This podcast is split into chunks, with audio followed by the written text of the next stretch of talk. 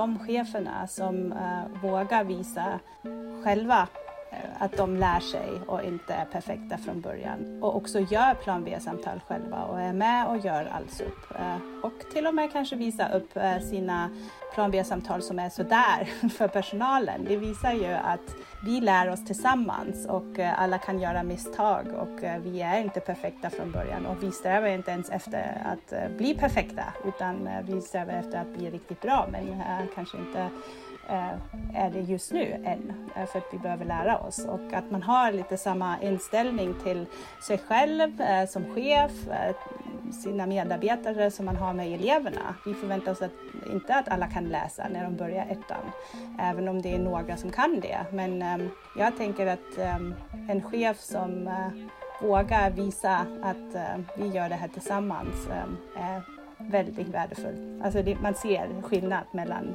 cheferna som är väldigt aktiva och eh, med i processen där händer det saker.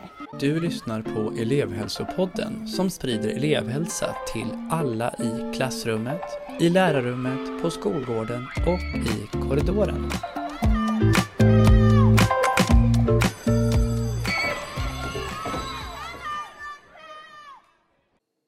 Välkommen till elevhälsopodden. Jag heter Stefan Boström. Du ska alldeles strax få höra fortsättningen av ett samtal som jag har med Malin Svensk och Tassia Berg. Det handlar om CPS, samarbetsbaserade och proaktiva lösningar. Och det är del två i samtalet. Så om du inte har lyssnat på del ett då tycker jag du ska gå tillbaka till Levelsepodden i din poddspelare och sätta på det avsnittet först. Och sen komma tillbaka hit. Vet ni vad, nu tar jag en liten mental, vi tar en liten mental eh, paus här i, i eh, samtalet. Så jag, jag, vill bara checka av med er innan vi liksom river av det sista. Yes. Eh, för enligt mig så tänker jag, eller så här, vi har ju jätte, det kommer bli två avsnitt. Alltså det, ingen, det, ingen kommer orka lyssna på oss så här länge. Även om jag klipper ner det lite grann. Eh, men jag tänker mig, jag vill, fort, jag vill prata om hur man lär sig CPS. Mm. Alltså hur man lär ut det och hur det funkar.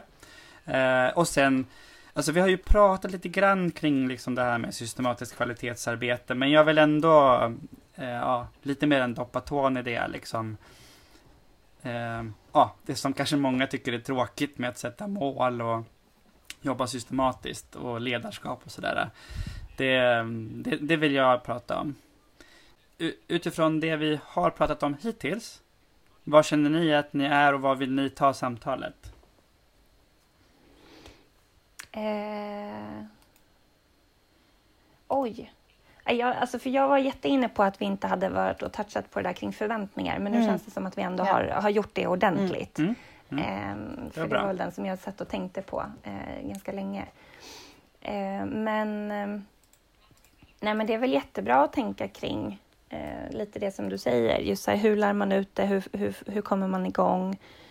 Eh, det systematiska tror jag Tassia tycker är roligare. Ja, fast det är ju precis, eh, jag, jag, tycker att det är jättebra att du också snackar om det, för att det är ju precis det systematiska i det lilla, att du har ett plan B-samtal eh, och vet vad ni har pratat om, vet vad lösningen är och kunna följa upp det istället för att vi pratar om massor med saker Eh, och så kändes mm. det bra men det hände ingenting efteråt. Det är ju det som är mm. fördelen med CPS. Mm. Men det systematiska i det mm. hela tror jag också att det kan bidra med. Alltså, du är ju mm. med och följer upp på, med elevhälsoteamet och alla CPS-are. hur går arbetet? Ni, ni har, alltså, på Närlunda har ni ju fantastiskt ska uh, rull. Mm. Det jag kommer säga nu är att jag kommer komma in på det här hur man lär sig CPS. Om det är okej. Okay. Och sen kommer vi in på ska också. Eller det kommer säkert gå in i varandra. Ja, jag tror också det. Absolut. Japp. Japp. Uh, ja, men då, då kör vi igång igen. Mm. Uh, den mentala inspelningsknappen. Japp. Uh, Okej, okay. nu har vi ju pratat uh, mycket om vad CPS är, verktygen, förhållningssätten. och ni har ju beskrivit det som att det här är någonting som man behöver lära sig. Eh, och ni har liksom berättat att ni har utbildningar när personal lär sig CPS. Mm. Eh, så det, vi skulle prata om det, hur, hur man lär sig CPS. Hur, hur gör man Tassia om man vill lära sig? Om man inte kan det och så vill man bli lika duktig som, som Malin. Ja, absolut. Eh, om man vill bli lika duktig som Malin då behöver man eh, hos oss i Eke kommun har vi skapat ett upplägg med utbildningsgrupper. Och ehm, eh, vi har eh, förändrat dem och jobbat lite med dem eh, under tidens gång. Och just nu har vi, erbjuder vi centrala utbildningsgrupper där folk eh, från, eller personal från olika ehm, eh, skolor och förskolor eh, träffas och eh, utbildas tillsammans. Eller så har vi lokala utbildningsgrupper som motsvarar lite mer de här eh, core groups som Ross Green pratar om i sina böcker. Um, som är då en utbildningsgrupp på en skola eller en förskola. Um, och uh, vårt upplägg är att man får utbildning under tre terminer. Um, och de första två terminerna träffas man ungefär varannan vecka. Så sammanlagt är det ehm, 20 tillfällen åtta första terminen, åtta andra terminen och sen fyra tredje terminen. Um, och eh, då träffas man varannan vecka ungefär i grupp och uh, går igenom CPS-modellen. Värdegrundsbiten, också de här tre planerna som vi redan har eh, pratat lite grann om. Plan eh, B är ju själva problemlösningssamtalet, själva verktyget, men sen finns det också plan C som hjälper oss att prioritera efter ett allsuppmöte och tänka om vi inte löser den, den, det här olösta problemet, vad gör vi istället? Eh, att vi lägger upp en tillfällig plan och sen finns det plan A. Ett förhållningssätt som vi kanske inte vill göra så ofta. Eh, så det ingår i utbildningen. Det är första steg att vi eh, tänker kring det och sen handlar det om att lära sig vad, vad en allsup är, hur man gör en allsup, men det allra viktigaste är att göra allsup och öva och träna och learning by doing så att säga. Ehm, och samma gäller för plan B. Vi går steg för steg genom hur ser ett plan B-samtal ut? Hur är det uppbyggt? Vilka delar är viktiga um, i teori? Men vi övar i praktiken och det är egentligen den stora biten av uh, våra utbildningar. Att man uh, gör en allsup och lämnar in sina olösta problem som man har kommit fram till och får feedback av en certifierad utövare och samma med ett plan B-samtal. Man spelar in ett plan B-samtal eller så har man en certifierad utövare som sitter med i rummet och kan ge feedback. Eftersom vi utbildar ganska många samtidigt um, behöver vi uh, jobba med inspelningar så att uh, vi ger feedback efter uh, själva samtalet, men individuell feedback till varje um, person. Då. Um, och uh, gå igenom uh, en checklista som uh, också har skapats av Ross Green för att hålla bra plan B-samtal för att um, checka av hur, var ligger man någonstans och vad kan man göra bättre tills nästa gång och så får man jobba med den biten mm. under nästa samtal. Just det. Men jag tänkte på det här med att spela in samtal, att öva på ett sånt väldigt konkret sätt. Mm. Det det, alltså jag, vi tre har ju alla gått igenom det, mm. så jag vet ju själv att det, mm. jag tycker att det var väldigt bra. Men va, va, Malin, vad tänker du? Hur, hur var det för dig att lära dig någonting genom att spela in och låta någon annan bedöma dig och ge dig feedback? Eh, inledningsvis jättesvettigt. Jättejobbigt var det. Jag vet inte hur många gånger som jag liksom startade inspelningen, Eh, gick och satte mig på stolen, sa några ord och sen så reste jag mig, stängde av inspelningen och tittade på det. Eh, jag tyckte att det var en ganska hög tröskel att kliva över. Eh, lite så prestations... Eh, eh, nervös, nervositet skulle mm. jag säga. Sen ju mer, alltså ju fler samtal man spelade in, eh, både sina egna samtal men också när vi fick möjligheten att titta på varandras samtal, eh, så, så, släppte ju det. För jag tänker att eh, någonstans så blev det ju sånt otroligt fokus hos mig på mig själv och min egen prestation. Eh, och eh, jag vet inte, jag tror att jag fungerar som många andra, men man vill ju gärna vara duktig eh, från start. Mm. Eh, vilket man inte är, för att det är otroligt mycket att fundera kring och, och försöka liksom, hinna med och få med under ett samtal. Och sitter inte ryggraden så, så blir det lite stappligt. Eh, men, men i och med att vi var flera stycken som också så, eh, jag skulle inte säga frivilligt delade med oss, men ändå behövde göra det på de här tillfällena, att vi tittade på varandras videos eh, Eh, så insåg man att alla här är mänskliga. Alla här är i en inlärningsfas. Ehm, och själva verktyget att faktiskt göra inspelningar, titta efter och få feedback är ju fantastiskt och det skulle man ju egentligen göra oftare eh, i sin egen verksamhet också när man har lektioner eller ehm, jobbar med elever. Att man gör en inspelning av sig själv, tittar i efterhand för även om man inte har någon som feedbackar så får man ju syn på egna saker själv. Eh, mm. Så att jag skulle säga extremt nervöst, jobbigt till eh, väldigt lärorikt. Just det, just det. Och du har lärt dig modellen på det sättet liksom? Ja, precis. Jag mm. tänker att det, det, är ju de olika delarna som Tassia varit inne på. Att först eh, någonstans få en introduktion både i boken men också i en föreläsning. Eh, och sen att kunna sitta och diskutera med varandra eh, och använda de här inspelningarna och feedbacken. Eh, de liksom, tre stöttepelarna skulle jag säga har varit hela eh, inlärningsmoment, alltså de inlärningsmomenten som, som har gjort att jag har vuxit eh, och lärt mig modellen. Mm, just det. Tassia, du som eh, ofta, oftast är i rollen som utbildare, mm. eh, som, hur, hur tycker du att den här modellen för att lära sig saker, och för att, hur, hur funkar den tycker du? Men just den här modellen att jobba praktiskt och få feedback och helst i stunden um, uh, tänker jag är ett uh, superbra sätt um, att, att lära sig någonting nytt. Men uh, jag kan hålla med Malin, när jag gick utbildningen själv, certifieringsutbildningen och när jag spelade in var det ju Ross Green som lyssnade på mig. um, det, det var jobbigt och jag tror att vi, behöver, vi vuxna behöver också öva på att eh, jobba med så, sånt här, att ge och, och feedback och be om feedback. Kan du, eh, alltså, kan du titta på mig? Kan du hjälpa mig att bli ännu bättre eh, på, på någonting? Och, um, um, det har jag också märkt en utveckling kring i uh, vår kommun, att uh, vi har uh, blivit öppnare med att föreslå sådana här bitar, att, att kunna ge feedback till varandra, eller be om feedback är ju första steget egentligen, att man själv gör det. Um, och mm. jag vet att uh, ni Malin, ni jobbar ju också med så här kollegial handledning och uh, att någon kommer in i klassrummet. Och jag tror om vi bäddar med, med sånt uh, innan man kanske går in i hårda CPS-utbildningen där man får individuell feedback på en individuell prestation um, och är lite mer van vid att, att jag kan titta på mig och eh, skruva på saker för att bli ännu bättre i det jag gör.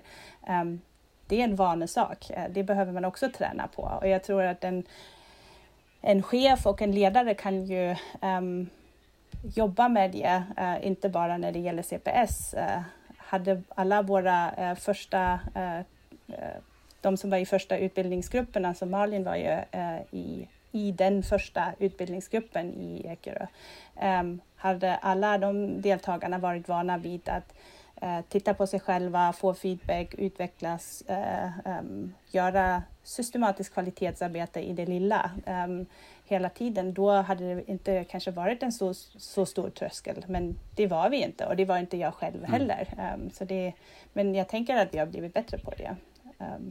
Just det.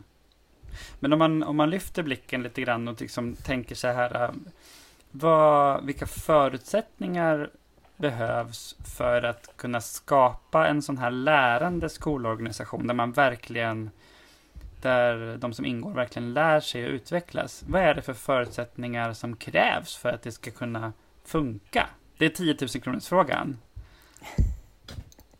Eh, alltså jag tänker så här inledningsvis på vår skola så hade ju vi Eh, en rektor som, som eh, verkligen satte sig in i arbetet med CPS och eh, genuint ville vara med på tåget. Det, det lirade så väl med hennes eh, värdegrund och vad hon ville skapa på vår skola.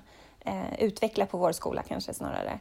Ehm, så, att, så att, att, ha en, en chef som är med på tåget är jätteviktigt. Och jag menar, hon var ju också med och spelade in sina samtal och, och kanske inte visade för oss, men, men, men för er i utbildningsteamet. Um, så jag tänker att, att det var inte någonting som, som skedde vid sidan om, utan det var någonting som, som direkt skulle in i verksamheten. Det är ju en förutsättning som är jätteviktig, tänker jag. Att det på något sätt ger så otrolig tyngd och mandat. Mm. Att man har en, en chef som, som eh, eh arbetade på det sättet som hon gjorde och som, som nuvarande chefen också gör så. Eh, mm. Mm. Och det, det kan jag verkligen bekräfta för det um, kan jag se uh, övergripande på, uh, på kommunen. Nu, de cheferna som uh, vågar visa själva att de lär sig och inte är perfekta från början och, um, och också gör plan B-samtal själva och är med och gör alls upp eh, och till och med kanske visa upp eh, sina eh, plan B-samtal som är sådär för personalen. Det visar ju att vi lär oss tillsammans och alla kan göra misstag och vi är inte perfekta från början och vi strävar inte ens efter att bli perfekta utan vi strävar efter att bli riktigt bra men kanske inte är det just nu än, eh, för att vi behöver lära oss. Och att man har lite samma inställning till sig själv eh, som chef, eh, sina medarbetare som man har med eleverna. Vi förväntar oss att, inte att alla kan läsa när de börjar ettan, även om det är några som kan det. Men eh, vi förväntar oss inte det. Så jag tänker att eh, en chef som vågar visa att vi gör det här tillsammans är väldigt värdefullt. Alltså det, man ser skillnad mellan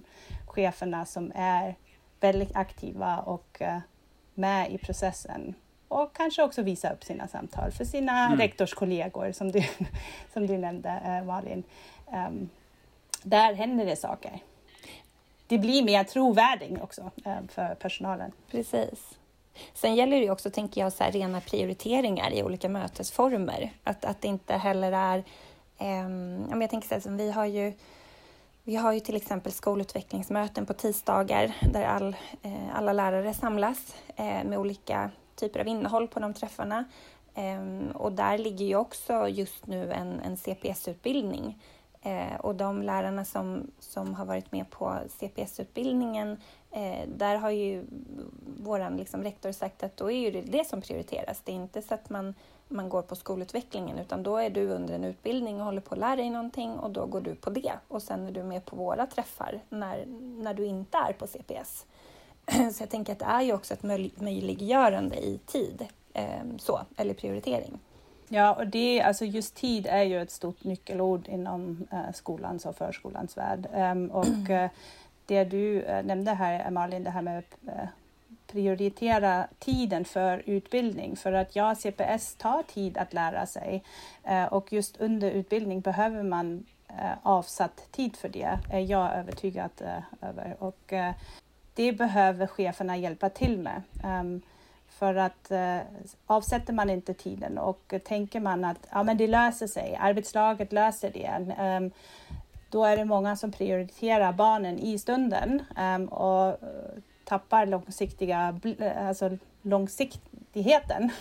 Eh, och den mm. blicken har ju oftast uh, cheferna. Att, uh, vi, det handlar ju om att vi ska lära oss någonting nytt uh, så att vi gör någonting ännu bättre så att vi blir bättre på sikt och det är ju ett, ett långsiktigt tänk och det har man kanske inte när flera kollegor är sjuka och man har en barngrupp man behöver ta hand om. Då hoppar man kanske över utbildningstillfället och och välja att stanna kvar. Um, och det behöver man uppbackning eh, för. Just det. Ja, men så det, det låter som att det är många olika delar som är viktiga för att skapa den här lärande skolorganisationen.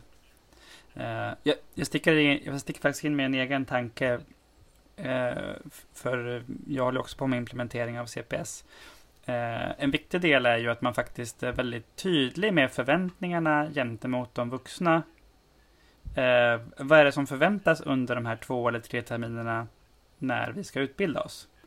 Vad förväntas av de blivande självständiga utövarna? Rent konkret, du ska vara på handledningen varannan vecka. Du ska skicka in samtal. Du ska göra det här. Eh, och förväntningar på arbetslagsledaren. Vad är det du ska göra? Jo, du ska se till att dina kollegor kan spela in samtal att de kan vara med på handledningen.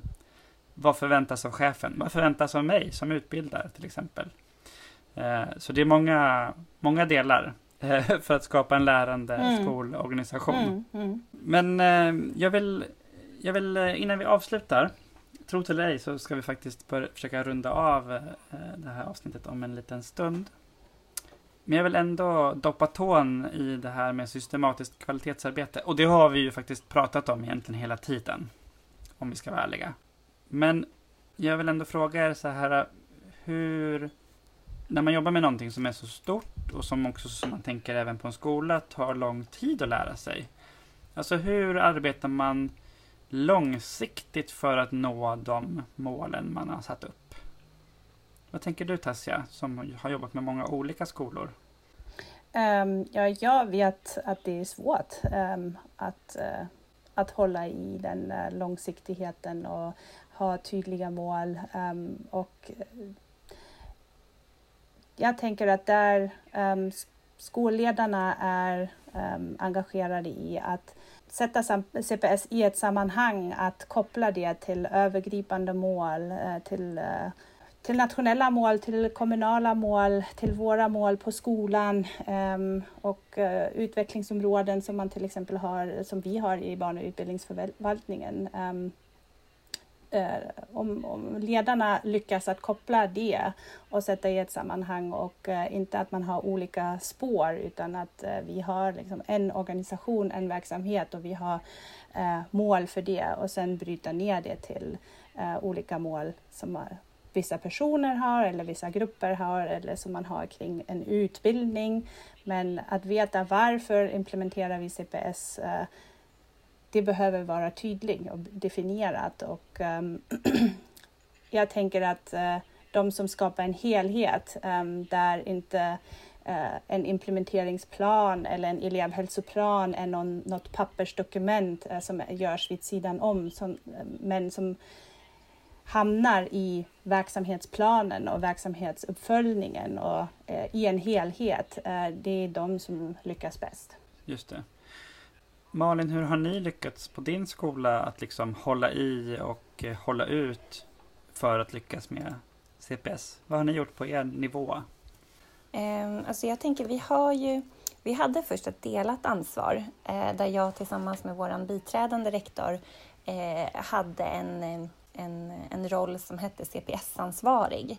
Eh, men, men eh, i och med att jag delar eh, vi är två speciallärare på vår skola och jag är riktad mot liksom, eh, några årskurser och hon den andra så, så kände jag att jag hade inte riktigt det här helhetsperspektivet i att titta på, på, på hela skolan. Så därför har vår biträdande rektor nu liksom fulla ansvaret. Och, och eh, när hon har helhetsbilden så, så tänker jag att eh, Eh, den här tydliga planen som ändå är gjord där vi eh, rent liksom i procent har bestämt oss för så här, så här många procent vill vi ha som är självständiga utövare, så här många procent vill vi ha som, som har en kännedom om vad CPS är eh, gör det också lite lättare. För, för har man de där rena siffrorna så kan man ju också så här, omsätta det sen i, i individer på något sätt. Jag tänker att, att, att åter Alltså att återkommande eh, men ha de här dokumenten med sig gör ju att man också ser så här, okej, okay, men, men här på riktigt i siffror så, så diffar det. Alltså vi har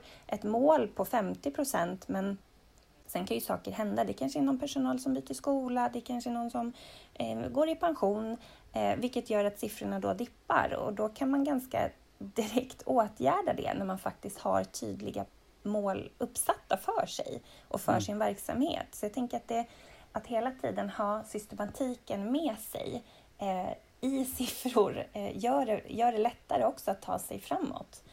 Eh, för jag tänker att varför implementeringen är en ganska stor fråga, men hur många eh, i siffror går att inte åtgärda, men, men går, att, går att jobba med lite mer konkret, vilket gör att det också då ehm, blir en spridning för att eftersom siffrorna också då med åren ska höjas tänker jag. Just det, så att man har satt tydliga mål som är mätbara och sen att följa ja. upp kontinuerligt. Att man ser hur går det med det här nu? Vad är det som gör att det kanske inte går bra? Eller vad är det som gör att det går bra? Det är ett ja, framgångsrecept. Precis. Sen tänker jag att det är ju, det är ju hårda och mjuka värden hela tiden som vi pratar om. Det är ju rent liksom så antalsmässigt hur många som har uppfyllt en viss kravnivå. Eh, men sen tänker jag att, att eh, eh arbetet som görs ute på skolan Ehm, är ju en annan del. Så, att, så att jag tänker att vi har, vi har en typ av liksom öppenhet och transparens genom de olika eh, ska, ja, typ arbetslagen på skolan. Att, att Eh, vi har personer som, som jobbar i verksamheten som sitter som A-lagsledare som är med i ledningsgruppen. Vi har vi speciallärare som jobbar i verksamheten som sitter i IOT som kan på något sätt få de här hjulen att, att ta i varandra. Eh, och att man har en eh, man har en, en, en, en, arbetsperiod, man har en uppföljning, man gör nya mål. Man har en arbetsperiod, uppföljning och så nya mål. Mm. Att det liksom är ett arbete som genomsyrar hela verksamheten och där är CPS både en del i det, men också en del av helheten. Mm, just det. Och en, en, en viktig del också, alltså jag håller helt med dig eh, Malin kring eh, tydliga, eh, tydliga mål för implementeringen. Eh, att man behöver ha dem och eh, vi har ju skapat en, en mall också från eh, eh CPS-teamet eh, sida eh, som de flesta skolor och förskolor använder nu och som vi använder i vårt systematiska kvalitetsarbete i, ehm, i hela förvaltningen för att också kunna jämföra och kunna göra, lägga upp en, en övergripande plan. om vi ser att din skola till exempel Malin har uppfyllt eh, liksom, eller har uppnått målet med självständig utövare, det är ett utbildningsmål. Um, då får ni kanske inte så mycket eh, så många resurser från oss eh, med med utbildning i CPS utan vi behöver satsa på andra eh, kärnverksamheter som behöver höja sina siffror där när det gäller utbildningsmålen. Eh, men en viktig del i det här är också att eh, se vad vill vi eh, se för effekter i verksamheten? Alltså vad, varför implementerar vi egentligen CPS? Och det gör vi ju inte bara för att vi tycker att det är kul eller för att någon rektor eller förvaltningschef eller psykolog tycker att det här är en bra modell eller det är kul att göra det här, utan vi vill ju se en förändring i verksamheten och um, och behöver ha tydliga mål där också. Vill vi till exempel höja delaktigheten av eleverna eller um, en av våra högstadieskolor har nu satt ett uh, tydligt mål kring um, närvaro. Um, vi vill höja närvaron och speciellt i en särskild undervisningsgrupp och, uh, och det är ju någonting som förklarar varför vi använder oss eller implementerar den här modellen. Eh, det finns ju andra modeller och andra metoder som vi också jobbar med och som vi också kan eh, eller gör att vi implementerar dem. Ehm, och att följa upp och kolla, har det gett effekt i verksamheten? Är, når vi våra effektmål? Ehm, har vi en högre eh, delaktighet av eleverna? Ehm, det, det är någonting som jag tänker också är en viktig bit i det här. Just det. Jag tänker att det rimligtvis behöver ju vara eh, om man satsar mycket, både som individuell skolpersonal eller som skolorganisation, om man satsar mycket energi, mm. då vill man ju någonstans också veta mm. om det ger någon payback. Och ja. Det har ni pratat om att man kan ju se det med en elev som man kanske får en bättre relation med mm. eller som verkar må bättre och lära sig. Men vi vill ju ha, liksom, vi vill ju ha feedback på alla nivåer. Funkar det här? Ja. Och då behöver vi ju ta, eh, rigga för det, att se effekter liksom. Precis. Just det. Hörni, det har varit ett superspännande, eh, vindlande samtal genom eh, CPS och genom eh, skolutveckling. Om man är intresserad av att jobba med CPS eh, som, som individuell skol, skolpersonal eller som skola eller som kommun Alltså var, var börjar man? Kan ni, kan ni ge oss eh, lite riktning och tips hur man kan komma igång? Eh, jag tänker att eh, våran startpunkt togs ju i Ross Greens böcker. Eh, så eh, om jag inte missminner mig så är det någon konferens på G kan det vara så Tasia? Absolut. Eh, det finns ju våran CPS Summit som vi har eh, i september där man kan eh, lära sig både någonting om vad är CPS och CPS-modellen men också få ganska mycket input kring hur man implementerar CPS eller kan implementera CPS och där kommer ju exempel från oss också, Ekerö, men även från Haninge och andra skolkommuner i Sverige och mm. andra länder.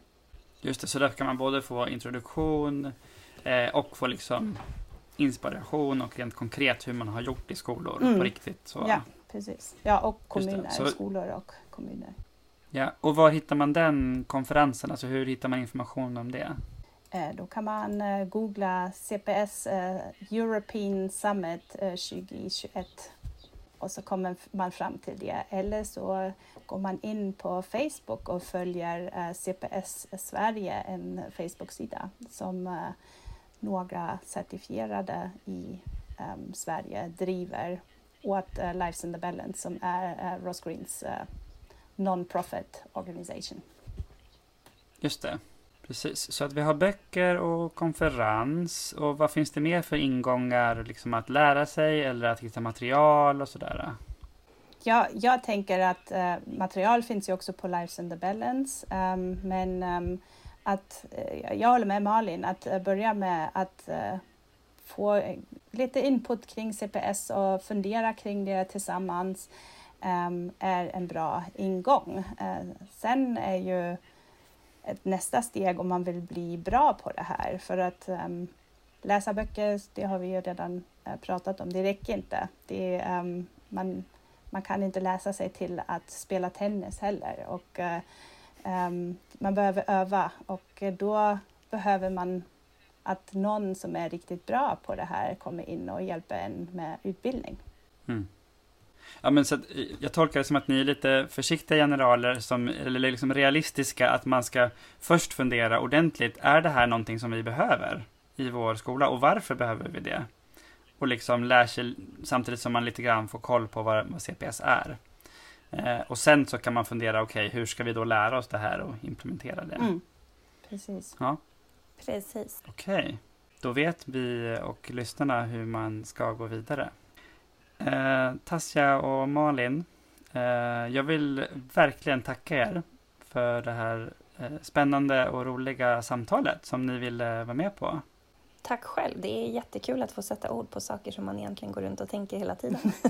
ja, tack själv eh, Stefan. Jag tycker också att det var jättetrevligt och uh, utvecklande att uh, prata med er båda. Eller hur? Och jag är övertygad om att lyssnarna kommer kunna ta med sig massa från vårt samtal som de kan ta vidare i sina skolor, i sin vardag. Och förskolor. Och förskolor. Och andra verksamheter. Självklart. Tack igen för att ni var med. Ha det bra. Tack. Tack, hej.